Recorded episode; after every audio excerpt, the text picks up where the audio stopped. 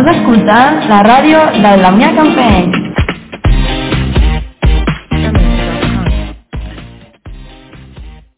Estem aquí amb el Julio Martínez, el director de l'Institut Damià Campeny. Tractarem un tema de vital importància, l'efecte de les energies renovables en el Damià Campeny. Hi haurà un canvi important en les energies renovables del Damià Campeny? Amb el que nosaltres podem fer, eh, tenim previst posar plaques solars. D'una banda, això, intentar estalviar de dues maneres. Una, per exemple, eh, amb tot el que fa els nanos, és a dir, intentar que tanqueu les finestres, intentar que tanqueu els llums, intentar no tenir, per tant, aparells encesos quan no és necessari, i per tant fent, intentar educar-nos en aquest sentit. L'altre, nosaltres fer alguns canvis utilitzant cada vegada més aparells que siguin energèticament més eh, eficients per exemple, hem canviat tot el que són els, els fluorescents pels fluorescents LED, que tenen un consum molt més baix. Bàsicament això. Després, regular la calefacció, posant-la les hores en què sigui estrictament necessari, perquè hi hagi menys, menys despesa energètica. I després, l'altre projecte que tenim en marxa, que seria les plaques solars. Trobes alguna solució econòmica? I la solució econòmica, aquesta, intentar gastar menys i intentar fer més eficients els aparells, el, tot, el que és la, les, tot el que són els llums, eh, i amb el que sí que si aconseguim acabar aquest curs amb les plaques solars, aleshores ens estalviarem molta energia. Però a part d'això, poca cosa guanyant aquí. Per tant, no, no guanyant eficiència i l'altre doncs, eh, l'estalvi que puc fer individual i col·lectiu. Moltes gràcies per haver vingut, Julio, i aquí s'ha acabat la nostra entrevista. Moltes gràcies i fins una altra.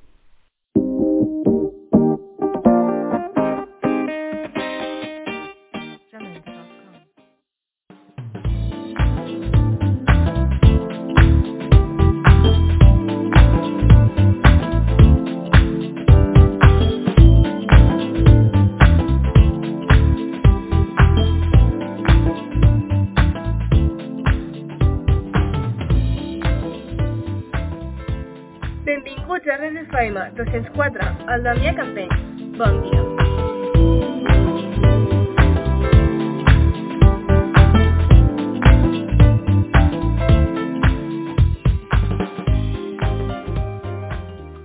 Benvinguts novament a la ràdio de Mec Campeny. L'entrevistat d'avui és Omar Iglesias, un ballarí professional concursant de fama.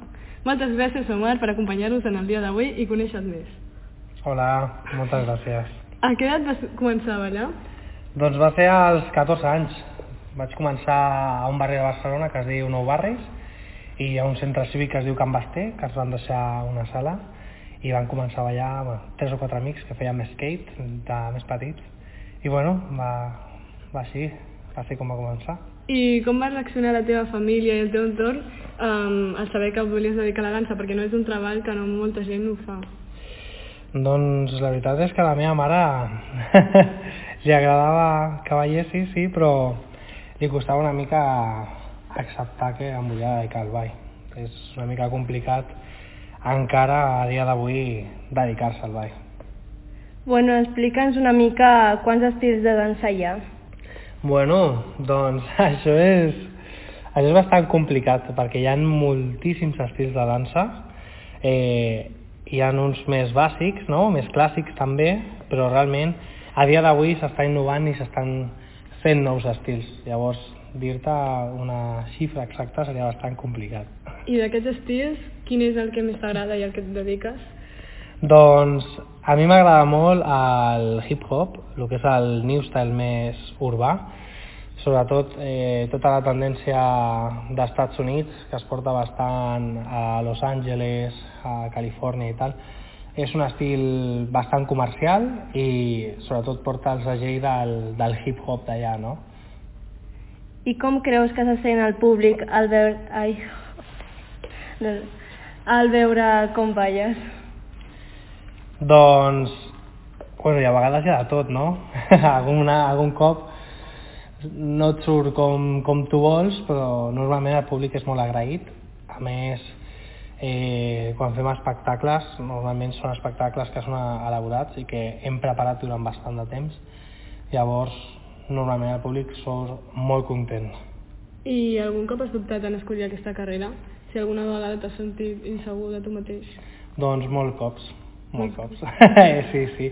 Pensa que és molt difícil trobar una, una estabilitat, no? Però és el que té viure del que t'agrada, no? del que vols, que no serà un camí de roses, un camí fàcil, però estaràs fent el que vols. I quins, quins són els teus somnis ara i els que tenies quan eres més petit al començar en aquest món? Doncs quan vaig començar a ballar realment a mi el que m'agrada més era el breakdance. Tot això de girar amb el cap, amb les mans i bueno, les, les meves fites en aquest moment, bueno, en aquell moment era, era competir internacionalment, anar a França, anar a Anglaterra, bueno, cosa que, que vaig poder fer. Eh, i bueno, una vegada entres a l'etapa més adulta doncs les teves prioritats també canvien no? vols viure del ball i viure del ball és més complicat que no només anar-te'n a fer competicions a, a l'estranger Totalment. Digue'ns un consell que li, que li donaries a les persones, al públic que ens està escoltant, per adentrar-se en aquest món de la dansa i més. Doncs per entrar al món de la dansa només és anar a, a ballar, és que no hi ha, no hi ha res més. Si de veritat t'agrada, buscar on es balla, trobar gent que li agradi ballar, i això és una cultura realment, és una cultura molt maca on, on hi ha un, una passió. I si tu tens aquesta passió, ja estàs fent alguna cosa i estàs sentint moltes coses que potser molta altra gent no, no té aquesta passió. Nosaltres hem vist que has ballat a Fama, de més jove. Com va ser l'experiència? Doncs fa, fa molts anys, aquest any serà 11 anys que han passat des d'allò, ara tinc 30 i tenia 19 en aquell moment. La veritat és que aquella, aquella experiència em va servir per molt, per descobrir molts estils de ball que jo no ballava en aquell moment, per ampliar el meu horitzó com ballarí professional i em va servir per poder dedicar-me a ballar, perquè realment això va ser com el meu trampolí al, al ball professional a tot aquí, de tot, a, tot l'estat espanyol. I ara quines coses fas de dansa? Doncs ara, ara em dedico a moltes coses. Des de fer classes, de, després fem espectacles, eh, en tema, bueno, espectacles públics, per una part, i espectacles, espectacles privats. Fem espectacles a nivell esportiu, com és el bàsquet, el pàdel, fem fires com pot ser les marques de, de Toyota, de Kia.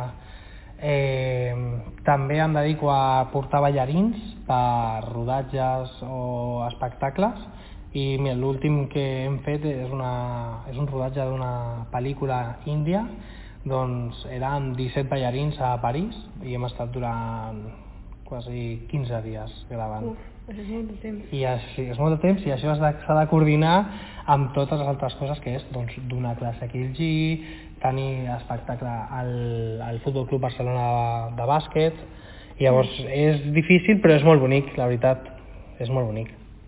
Bueno, finalment volem saber com et sents ara respecte a la teva carrera de ballarí i com ha influenciat a tu. Doncs, si faig com la vista cap enrere, la veritat és que estic molt, estic molt content. Sí que els artistes sempre tenim una mentalitat una mica de que volem arribar més lluny, més lluny, més lluny, no? Som com molt ambiciosos i també som molt emocionals. Llavors, a vegades ens, ens va bé que ens faci algú aquesta pregunta de quina ha sigut la trajectòria, no?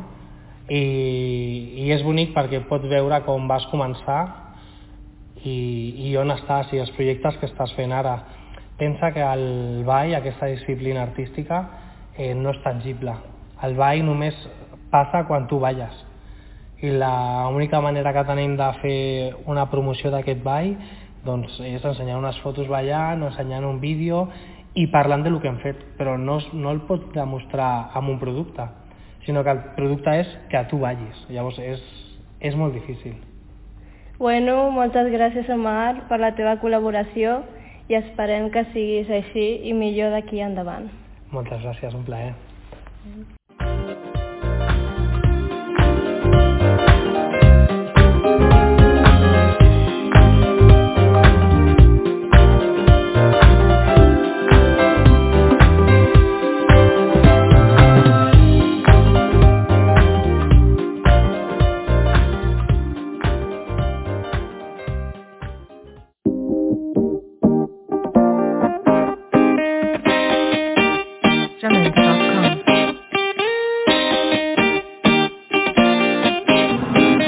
Estàs escoltant la ràdio de la Mia Campeny.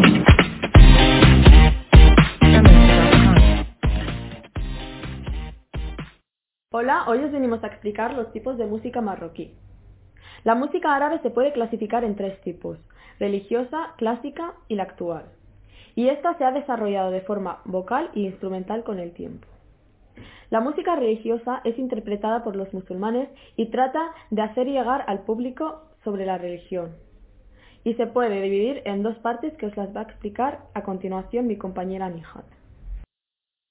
En primer lugar está la antigua, que es la que llamamos amdah, que es un grupo de hombres donde se canta sin instrumento musical, solo con palmadas, versos religiosos y rítmicos. Esta es normalmente cantada en mezquitas, fiestas tradicionales de marroquíes.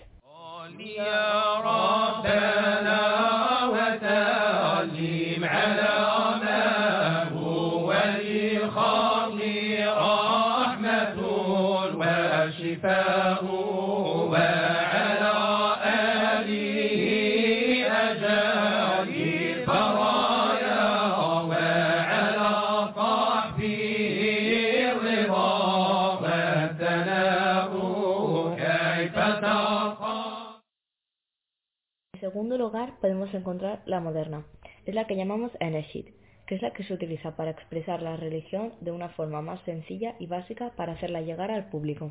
Esta es normalmente cantada y enseñada a grupos de niños y adolescentes para entender el concepto básico de la religión, y la podemos encontrar en fiestas tradicionales marroquíes. Ahora os enseñaré un ejemplo. مولاي صل وسلم دائما ابدا على حبيبك خير الخلق كلهم.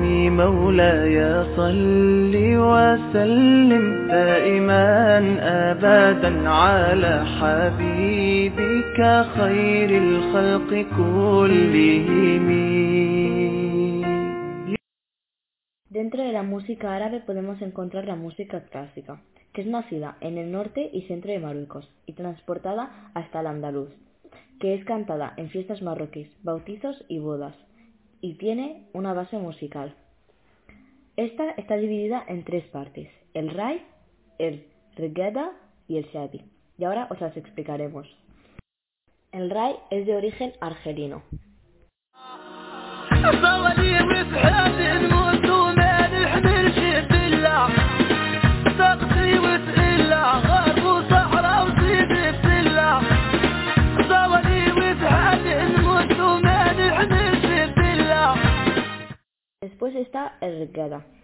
Una fusión de música guerrera del riff y los ritmos actuales.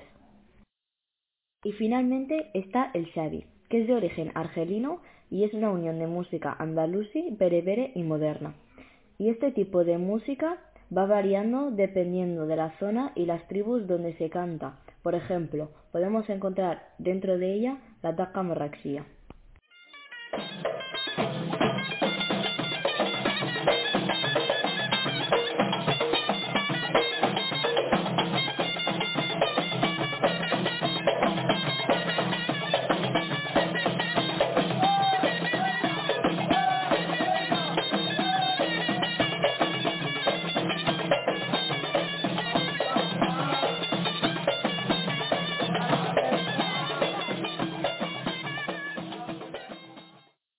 La música marroquí se caracteriza por su gran diversidad de una región a otra. Incluye música rap, reggae, pop, y entre otras muchas. Hoy en día se caracteriza por tratar son mayoritariamente temas amorosos y temas policiales. Entre ellos los géneros musicales son los anteriormente mencionados, rap, reggae y pop. Y a continuación os pondremos un ejemplo de cada género y la definición de cada uno. La música pop es un género de música popular que tuvo su origen a finales de 1950 como una derivación del, del tradicional pop, en combinación con los otros géneros musicales que estaban en moda en aquel momento.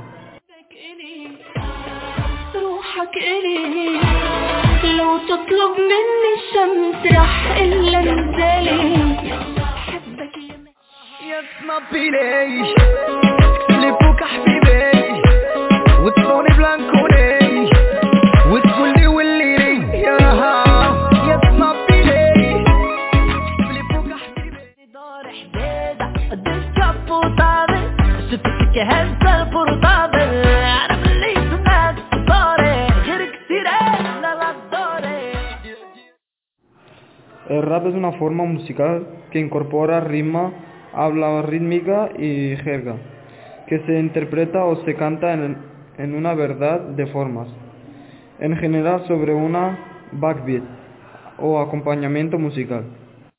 El reggae es la característica rítmica por un tipo de acentuación del offbeat, conocida como skank. Normalmente el tiempo de reggae es más lento que el de ska y el rock, rocksteady. قرع مالقة بيكر بورت ولا بوكيمونات زاد بكيلوات وكيرة شحال من كتيرة مصر كورة. ميت سنيني بوفاش بسوق ألفين أورا لو ودك تاجك تبدا سكينة دورو مية موري مية مية موري مية موري مية مية موري يا قلبي اللي عدى عطيتولك تفوت طعمة نعطيك سوارة الكابريول بيبا دوري دوري دوري دوري. خلاو لا ترتيب يزبي غالي عليك. كراري بلوزاني كل شي كيبغيك قلبك عمر بيوش كتار من لك أنا ماشي من النوم كنت بيا تعبي وأنا ماشي من النوم خورق عليا نعلم مكم بوم صحابيني بحالهم أنا قوت منهم. أنا قوت منهم. بيش كتار منهم. عطاش قلبي شي كتحب الضغير الإنفاتي الوسط لغامة تحت الوسط أنسيو